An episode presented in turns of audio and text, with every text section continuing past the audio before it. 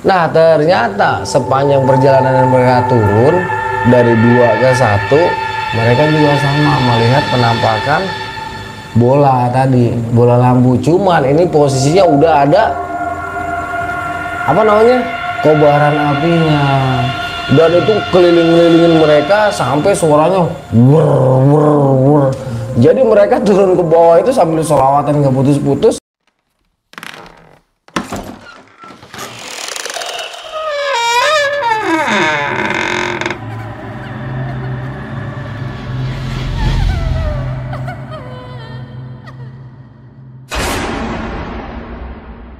Assalamualaikum warahmatullahi wabarakatuh. Balik lagi di ngobrol.com dengan gue Jambe, salam lestari. Bang Aresena apa kabar sebelumnya? Alhamdulillah sehat Alhamdulillah. walafiat. Alhamdulillah.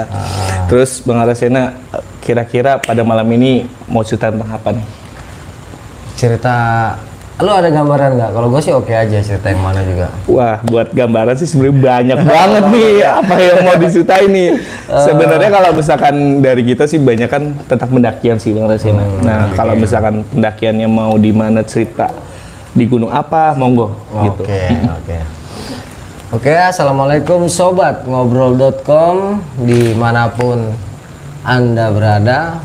Alhamdulillah ya malam ini dengan izin Allah serta kasih sayang Allah, gue masih bisa berjumpa dengan rekan-rekan dan tentunya tidak hanya sekedar berjumpa, tetapi gue akan membagikan cerita dan pengalaman gue di saat gue melakukan pendakian. Gue coba inget-inget waktu gue naik merapi deh tahun 2004. Oke.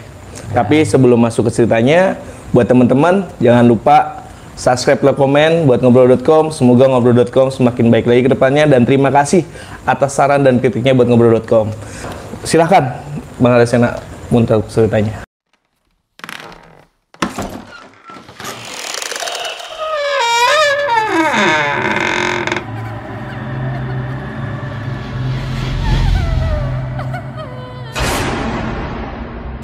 Gue mencoba menceritakan pengalaman gue di Merapi ya pada tahun 2004 bersama seorang rekan gue yang bernama MS Tarigan. Saat itu memang pendakian ini beda dari pendakian yang lainnya karena sudah direncanakan. Ya. Karena MS karena MS Tarigan ini sudah bukan anak sekolah lagi ya. Dulu kan dia waktu jadi anak didik gue masih sekolah ya. Iya. Ya, duitnya masih cekak. Tapi sekarang tapi pada saat itu MS Tarigan sobat gua ini dia sudah menjadi seorang anggota polisi. Jadi bisa dibilang uangnya banyak lah. Nggak ngegembel lagi. Bener bener bener. Jadi perencanaannya baik secara alat, logistik, terus transportasi dan lain-lain itu sudah matang direncanakan. Intinya singkat kata ya, gue berangkat itu sore dari rumah gue ini.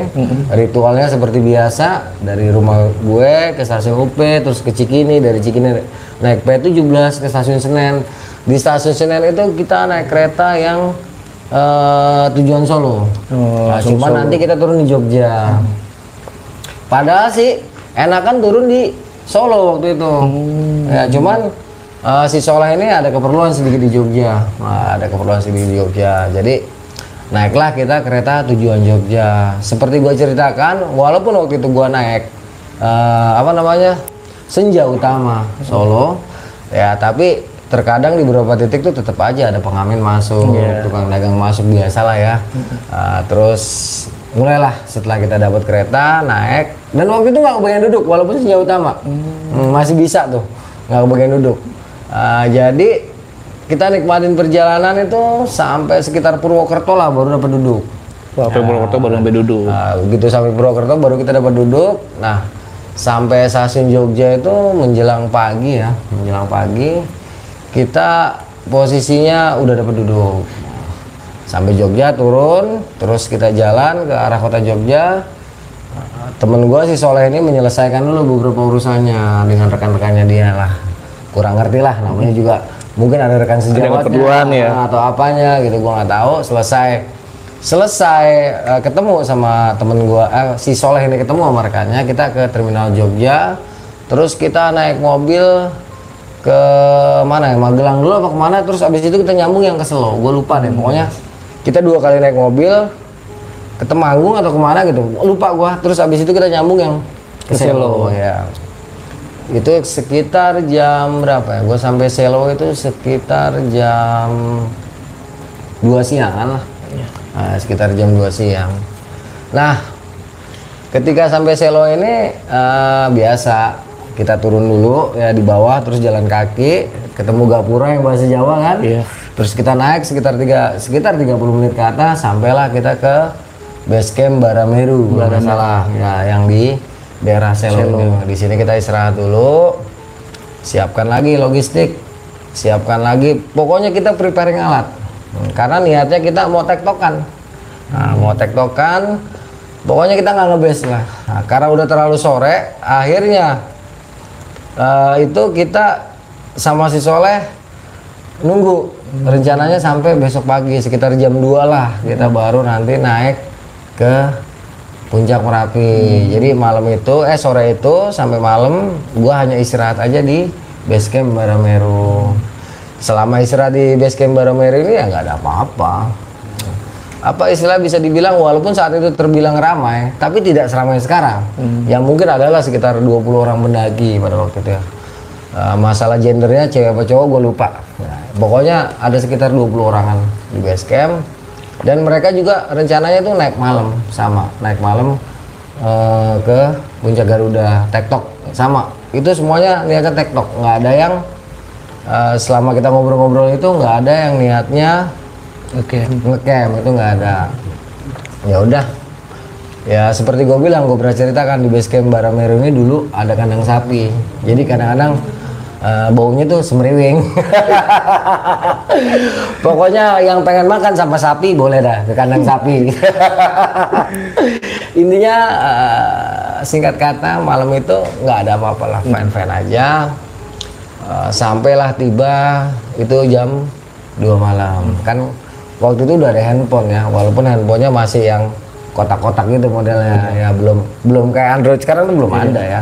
Masih bisa dibilang tuh handphone handphone jadul. Gue juga Nokia waktu itu megang 8250 apa 8210 gue lupa. Dan temen gue ini megang Nokia juga.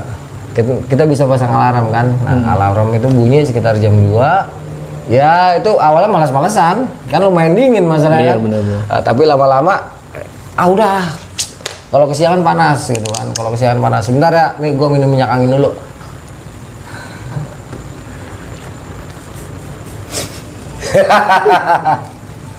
nah itu apa namanya kurang lebih setengah jam lah kita molor akhirnya gua sama Soleh bangkit dari tempat tidur di base camp kita siapkan center kita terus kita langsung berjalan menuju ke arah Menara Pandang tau nggak Menara Pandang di Selo Iya.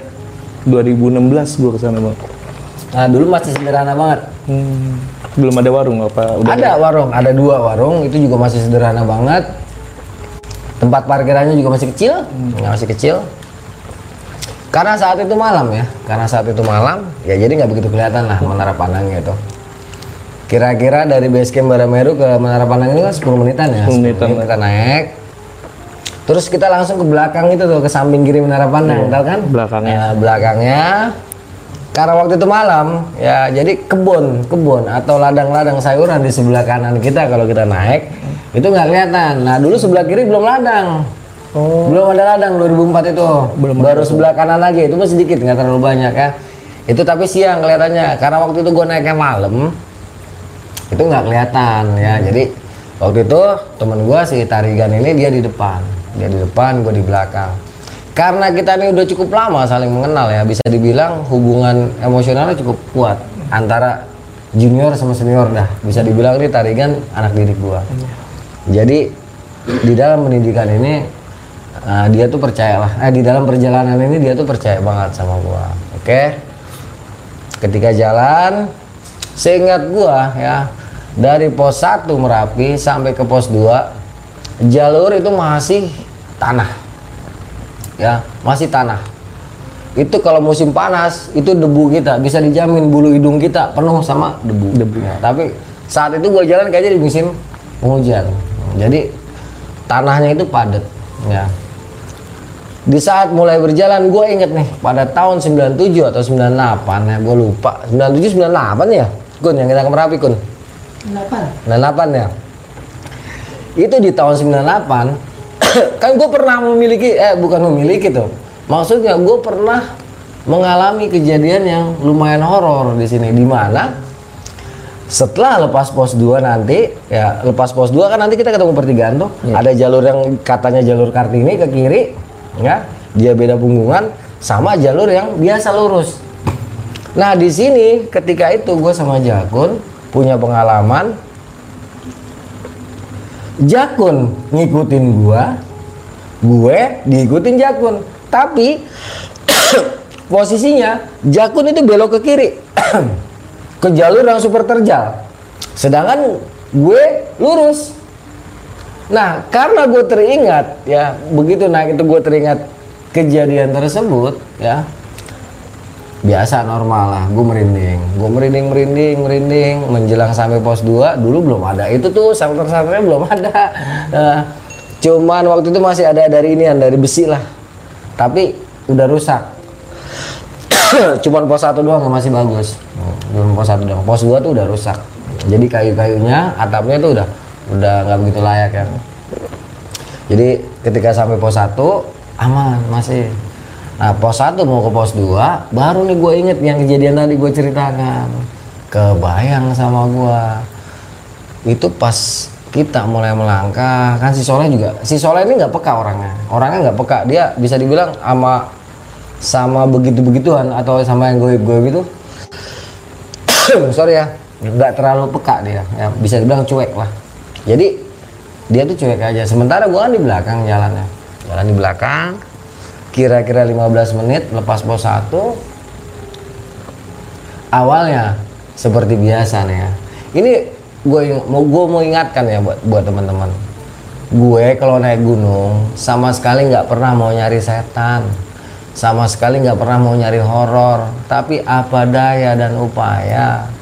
Kalau memang ketentuannya mata gue ini atau takdir perjalanan gue ini harus selalu ya nggak harus selalu sih lebih banyak ketemu dengan kisah-kisah horornya. Nah mulailah kisah horor ini.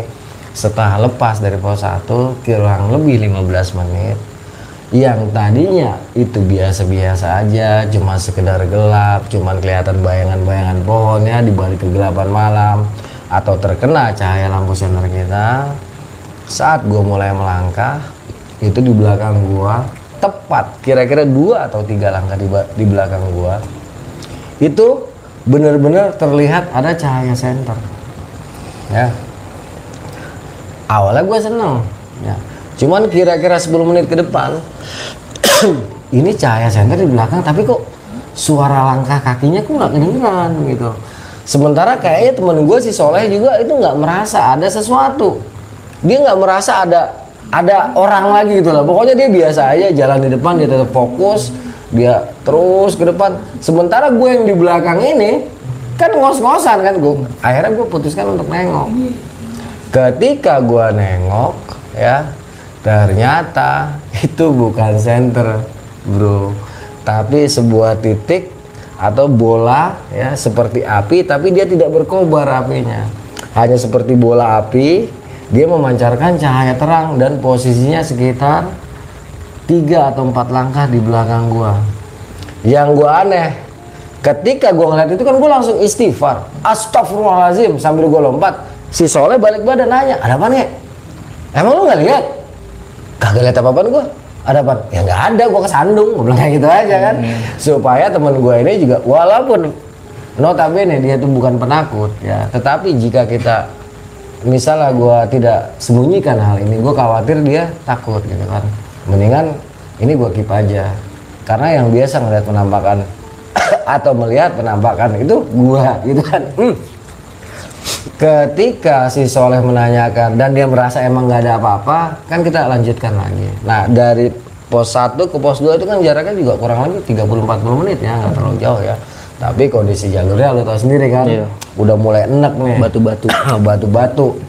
Nah, nanti dari dua ke tiga ke pasar bubrah juga makin enak lagi kan tapi gue sampai pasar bubrah nanti udah udah pagi Nah di saat melangkah ini, gua pikir setelah tadi gua istighfar, terus temen gua nengok, itu udah nggak ada. Karena pas gua istighfar, sama temen gua nengok, itu cahaya hilang, cahaya terangnya kan hilang, hilang.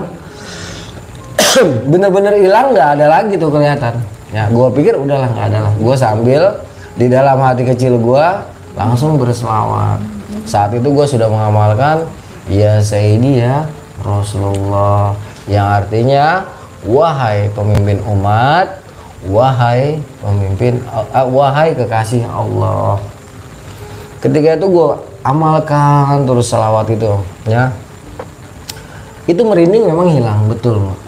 Tetapi ya jangan kita berpikir jika kita sudah berselawat ataupun membaca ayat-ayat suci gangguan bisa hilang begitu saja. Terkadang malah sebaliknya. Karena yang gue jumpa ini seperti itu ya yang gue temukan seperti itu. Semakin banyak gue baca selawat ternyata bayangan bukan bayangan bola api yang tidak memancarkan api itu seperti bola bola lampu lah bola lampu ya yang memancarkan cahaya kemerahan itu semakin gue bersalawat itu semakin banyak dan itu tidak hanya di belakang gua tetapi kiri kanan atas bawah bahkan di depan gua bahkan di depannya temen gua. Tetapi anehnya temen gua betul-betul tidak menyadari hal ini ya. Dia ngerasa sepertinya nggak ada apa-apa ya. Karena memang orangnya cuek cuek banget ya. Mungkin karena polisi juga ya ya. Nggak ngaruh juga sih sebenarnya. Cuman mungkin karena mentalnya bagus jalan semakin gue berselawat itu semakin banyak ya. Gue kan bingung tapi gue segera ingat. Dalam hati gue langsung mengatakan saat itu gue langsung bilang gue lebih takut sama Allah atau lebih takut sama mereka? Gue baca selawat ini yakin ya sih akan dapat pertolongan juga syafaat kanjeng Nabi? Saat itu gue langsung berpikir kayak gitu ya. Karena memang dibutuhkan ketenangan di dalam situasi apa pun ya ketika kita melakukan pendakian kita sangat butuh ketenangan. Sehingga apa sih? Sehingga hakikat penciptaan kita sebagai manusia sebagai makhluk yang jelas-jelas dikatakan makhluk yang paling mulia itu akan hidup kembali. Sehingga ketika kita membaca sholawat ataupun doa-doa ataupun ayat-ayat suci hakikat harga diri penciptaan kita juga kepercayaan kita kepada pencipta kita dengan bacaan-bacaan yang kita baca itu betul-betul kualitasnya yakin bahkan hakul yakin. Setelah gue sampai ke taraf itu barulah satu-satu lampu-lampu yang merah-merah ini dia menghilang. Sampailah kita di pos eh, bukan yang batu dulu yang naik batu dan ketemu pertigaan. Nah sampailah gue di situ sekitar setengah jam kita istirahat. Nah dari situ ke buat ke pasar Bubra itu kan masih sekitar satu jaman ya kalau inget ya. Nah di situ gue udah sekitar jam limaan. Udah sekitar jam 5 udah pagi. Istirahat. Waktu itu kalau nggak salah gue makan roti terus bikin teh manis ya karena si Soleh ini dia nggak ngerokok dia nggak ngopi benar-benar sehat hidupnya. Ya nggak kayak kita nih yang ngopi yang rokok gitu kan. Nah seingat gue periode itu udah nggak ada apa-apa. Istilahnya bisa dibilang tuh fine fine aja.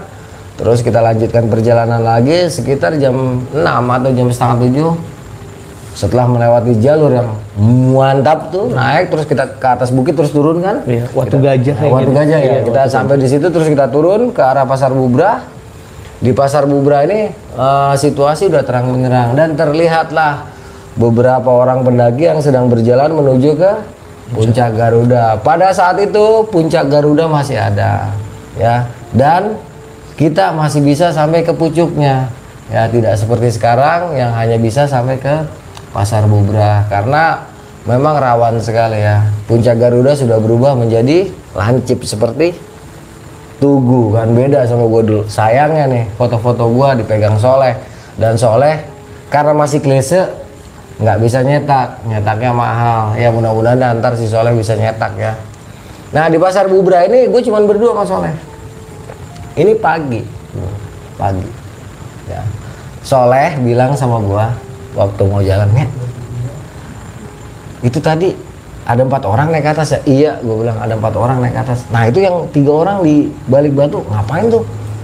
Pada diem aja dari tadi gitu kan? Sekarang gue yang kagak ngeliat pas dia ngomong. Ini pagi-pagi padahal. Jadi si Soleh ngomong dia nunjuk dia ngeliat ada tiga orang. Ada tiga orang atau dua orang ya modelnya kayak pendaki dia duduk duduk tuh di deket batu. Cuman karena gue tuh nggak mau merusak situasi gue bilang oh iya leh lagi istirahat kali udah cuekin aja udah kata Soleh oh, iya kali dia istirahat. Udah kita terus kan nggak ya terus lah emang jalurnya mana? "Eh, ini kanan itu kanan terusin aja. Naik ke atas nanti ketemu pinggiran tebing batu ya. Lurus. Nanti kita belok sedikit kita ketemu kawah mati. Kawah mati sebelah kiri belok ke kanan jalan datar. Ketemu lah kita puncak Garuda gue bilang kayak gitu. Ya udah jalan lah cuekin aja. Jalan kita. Jalan terus kira-kira mungkin sekitar 30 atau 40 menit ya setelah melewati medan yang cukup terjal sampailah kita ke kawah mati. Nah di kawah mati ini gue ngantuk banget bro. Gue ngantuk banget. Gue tidur dulu tuh gue tidur dulu sebentar.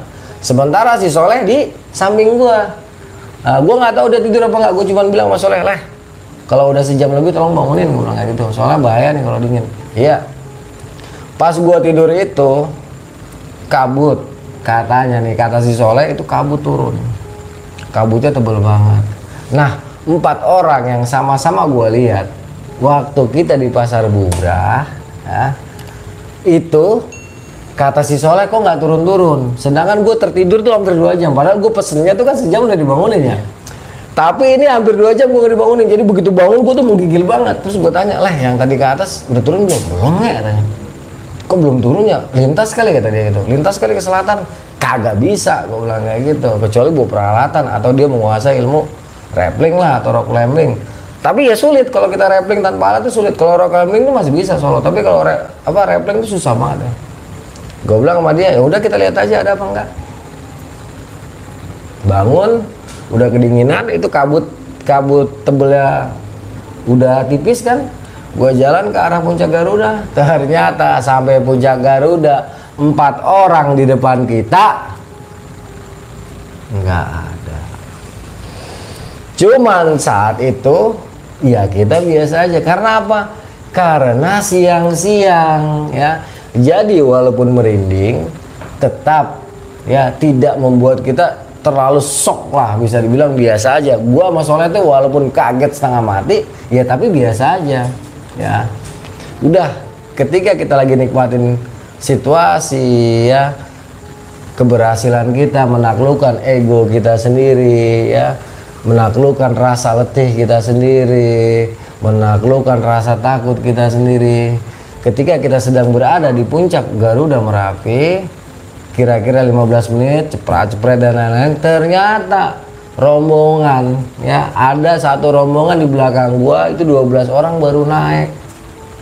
Nah padahal mereka itu posisinya jalan duluan. Tapi di pasar Bubra gua nggak ketemu nggak ngelihat mereka sama sekali ya. Gua tanya-tanya lah kok baru pada sampai? Gua bilang kayak gitu. Pada istirahat di mana? Di pasar Bubra bro kata dia di pasar Bubra sebelah mananya deket batu yang tiga orang tadi tiga orang. Enggak bang kita berdelapan kata dia. Delapan orang. Nah lu ngeliat gue naik nggak? Kita nggak lihat bang. Makanya kita bingung. Kok abang tiba-tiba bisa ada di puncak aja gitu gue bilang. Nah lo ini kan ini week week ya. Ini merapi ya. Merapi 2004 itu masih lumayan sangar. Masih lumayan sangar tapi lagi-lagi karena ini siang hari dan kita tuh menjaga situasi lah supaya nggak panik ya. Gue bilang oh ya mungkin tadi pas kabut kali gue lewat gue bilang kayak gitu. Jadi lu nggak ngeliat gue oh ya udah bang. Terus foto-foto lagi Nah, itu udah sekitar jam berapa ya gue di puncak? Itu berarti udah sekitar jam 11an ya udah jam 11 siang. Terus gue turun mereka kan masih di puncak Garuda nih ya. Setelah kita dari puncak Garuda kita turun. Perjalanan turun itu gue masih soalnya berdua dari puncak Garuda ke pasar Bubrah nggak ketemu orang sama sekali. Ini siang-siang cuman hawanya tuh ngalamin gak sih? Matahari terik tapi di kulit itu nggak ada rasanya gitu. Pernah ngalamin nggak? Pernah kan? Nah gue tuh kayak gitu waktu itu di pasar Bubrah. Matahari terik tapi di kulit tangan itu nggak ada rasanya. Jalan. Nah, gue ingat lagi nih pas sampai sini. Kejadian waktu gue masih jakun di pasar Bubra. Gue perhatiin, gue liatin ke satu titik yang pernah gue alamin itu ternyata itu kan gue udah mulai merinding ya. Padahal siang-siang nih tengah hari bolong, tengah hari bentet ya, gue merinding. Kebayang kejadian gue sama jakun. Tetapi alhamdulillahnya waktu itu nggak ada. Terusin sampai ke batu gede, terus kita turun lagi ke arah pertigaan di pertigaan itu kan ada batu lagi tuh yang agak pipih nah gue istirahat di situ sama Soleh makan makan minum-minum pokoknya masak lah posisinya masak. Karena baru jam 2an posisinya. Itu sekitar jam 2 atau jam setengah tiga lah. Jadi kita istirahat sekitar setengah jam. Nggak ada apa-apa namanya juga siang.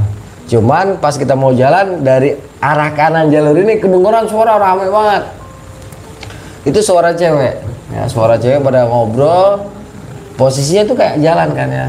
Tapi karena kita tungguin nggak sampai-sampai akhirnya kita cuekin aja. Ah ini bener apakah kebodoh amat ah. Udah. Apa namanya? Kita packing kita jalan kita turun. Itu suara cewek yang kedengeran ngobrol itu makin jelas di sebelah kanan kita kan. Itu siang-siang. Sepanjang dari pertigaan itu sampai ke pos 2 itu suara cewek nggak habis-habis. Banyak banget suara cewek. Gue sama Soleh waktu itu udah mulai merinding karena si Soleh gila siang-siang ini.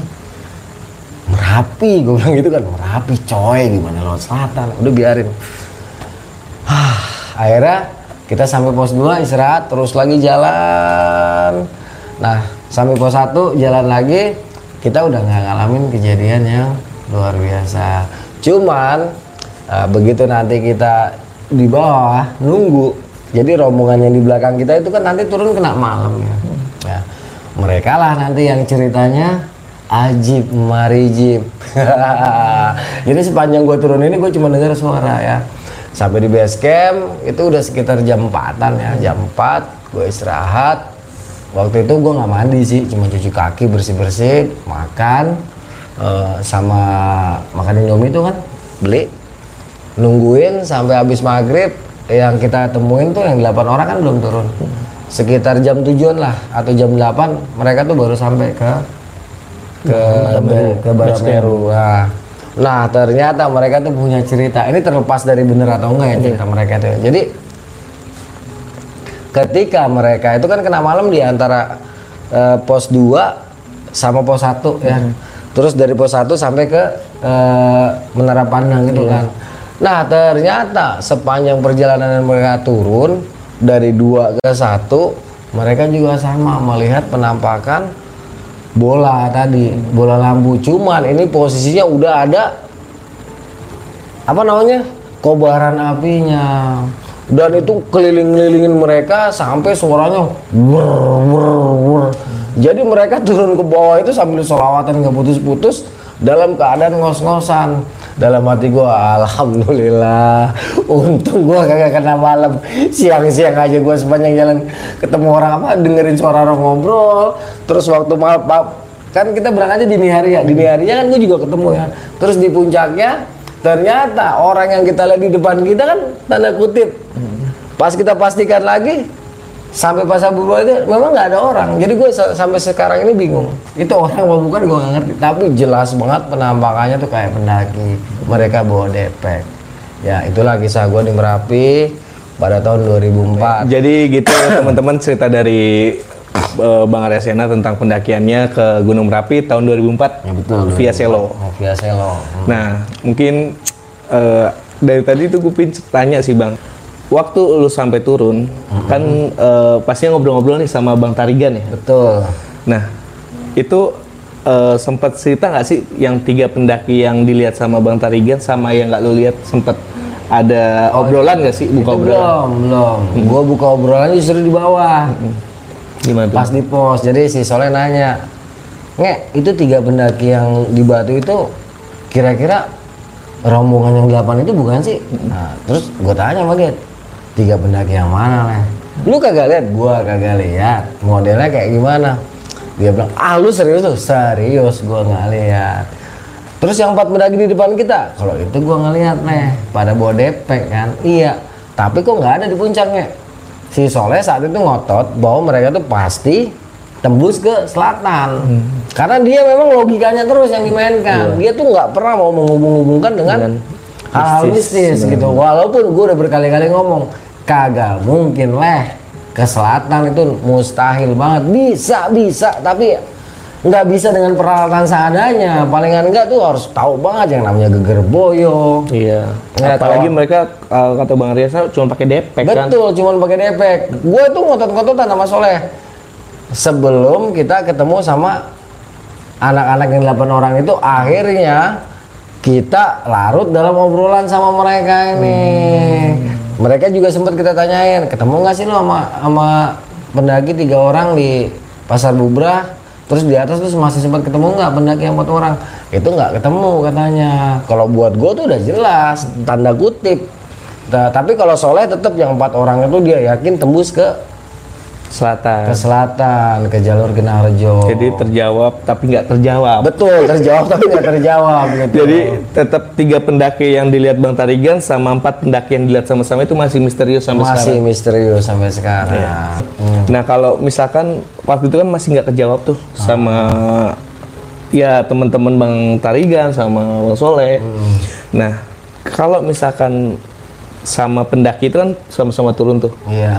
Nah berarti kan sempat ada obrolan nih, ada kesamaan nih antara eh, Bang Arsena sama si pendaki delapan orang ini. betul. Gimana tuh Bang proses ngobrolnya gimana tuh?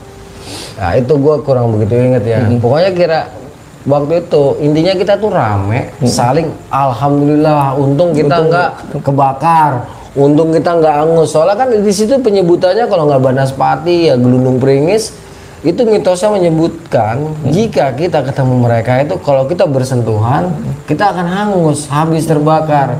Jadi pada saat itu seinget gue nih ya uh, kenapa gue nggak ceritain itu? Tapi karena sekarang ditanyakan nggak apa-apa. Iya. Seingat gue saat itu kita cuma bisa bilang alhamdulillah untung lu. Kagak sampai kesenggol kalau kesenggol abis lu jadi debu. Taruh kata saat itu pembicaraan yang paling banyak mengudara adalah kita bersyukur nih. Terutama anak-anak yang delapan orang ini bersyukur bahwa mereka nggak nggak ada yang tersentuh oleh makhluk-makhluk tersebut. Itu banyak Bang Arsena depan belakang yang tadi dibilang. Iya mereka bilang tuh banyak sama kayak gue cuman mereka kan udah ada apa namanya Kobaran apinya. Kalau gua Bang Arsena enggak. baru lampunya lampunya gitu aja ya kayak kayak kayak buletan aja buletan buletan merah beda yang sama gua sama Jakun kalau yang gua sama Jakun itu dia udah ada kobaran apinya tapi nggak banyak cuman dua gitu itu pun cuma Jakun yang lihat gua nggak lihat Nah ini ada misterius lagi sebenarnya. Banyak kemisteriusan di Merapi memang. Oh, Merapi memang luar biasa, terutama pasar bubrahnya.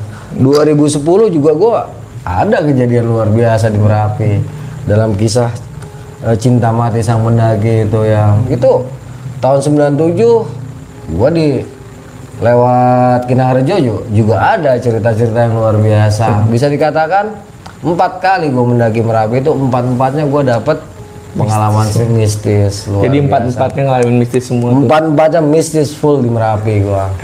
Ada pertanyaan bang? Masih yang tadi ya. Ya udah paling eh, gua lanjut satu pertanyaan terakhir nih bang. Oke. hmm. Kalau misalkan eh, disuruh ke Merapi lagi, Wadah. misalnya disuruh ke Merapi lagi nih, Ah, ah. Masih mau nggak sih bang? Mau banget. Mau naik malam, mau naik Walaupun empat empat kali. nggak masalah. Nggak masalah ya? Karena memang gua nggak nyari mistis. Karena kita kadang emang nggak niat tapi tahu-tahu ada aja gitu ya. Iya, Karena memang nih ya, walaupun gua 10 kali, 11 kali, 20 kali, 1000 kali ngalamin kejadian mistis di gunung. Kenapa gue masih berani balik lagi ke gunung tersebut? Karena gua tidak pernah mencari mistis. Gua hanya ingin mendaki. Buat gua kejadian mistis di lapangan itu bagian dari tantangan di dalam perjalanan pendakian. Nggak ada yang perlu ditakutin. Karena yang layak ditakutin, yang perlu ditakutin itu hanya Allah Subhanahu wa taala. Dan yang pada itu kesombongan dan ego kita sendiri. Dah itu aja. Kenapa? Gua nggak pernah takut daki kerinci walaupun gua kerinci ngalamin kejadian horor. Semeru atau mana pun gunung mana pun. Kenapa gua nggak pernah takut? Karena gua nggak pernah cari mistisnya. Nah kira-kira gitu aja. Nah kan dari tadi kita ngobrol-ngobrol udah banyak pesan-pesan nih bang, dari tentang pendakiannya, dari tentang eh, rohaninya. Nah kira-kira ada pesan terakhir nggak sih buat teman-teman ngobrol.com di rumah bang? Jangan pesan terakhir dong. Nah, jadi buat teman-teman eh, ngobrol.com orang pendaki tidak perlu takut dengan cerita mistis ataupun cerita-cerita kisah-kisah yang ada di luar diri kita. Takutlah kita terhadap kebodohan kita sendiri karena minimnya ilmu. Takutlah kita kepada kesombongan kita sendiri karena ketidaktahuan kita dan kurangnya pengalaman kita di dalam pendakian. Banyak-banyaklah belajar dari pengalaman orang lain, dari orang-orang yang lebih dulu tahu, orang-orang yang lebih dulu paham, sehingga Anda bisa mengambil inti sari dari pengalaman mereka ya. Karena dengan Anda mempelajari atau memahami pengalaman orang lain, Anda sudah belajar dari sebuah pengalaman. Karena guru yang paling baik adalah pengalaman. Benar. Nah, paling gitu teman-teman pesan-pesan dari eh, Bang Rasena dan paling eh, dari gue tambahannya paling ya balik lagi ya dalam sikon apa pun, dalam keadaan apa pun kita mesti ingat kita punya Allah, Betul. kita punya tempat di mana kita bersandar diri. Paling gitu aja sih Bang Rasena. Dan buat teman-teman di rumah jangan lupa mampir juga ke YouTube Arya Sena Betul. cerita pendakian dan buat kalian pantengin terus live streamingnya dari Bang Resena dan mungkin Bang Resena makasih udah mampir ke ngobrol.com Oke, sebelumnya kasih, sama-sama. dan gue banyak banget belajar sih dari Bang Resena baik teman-teman di rumah terima kasih buat eh, sudah mampir ke ngobrol.com dan jangan lupa subscribe dan komen dan stay tune terus di ngobrol.com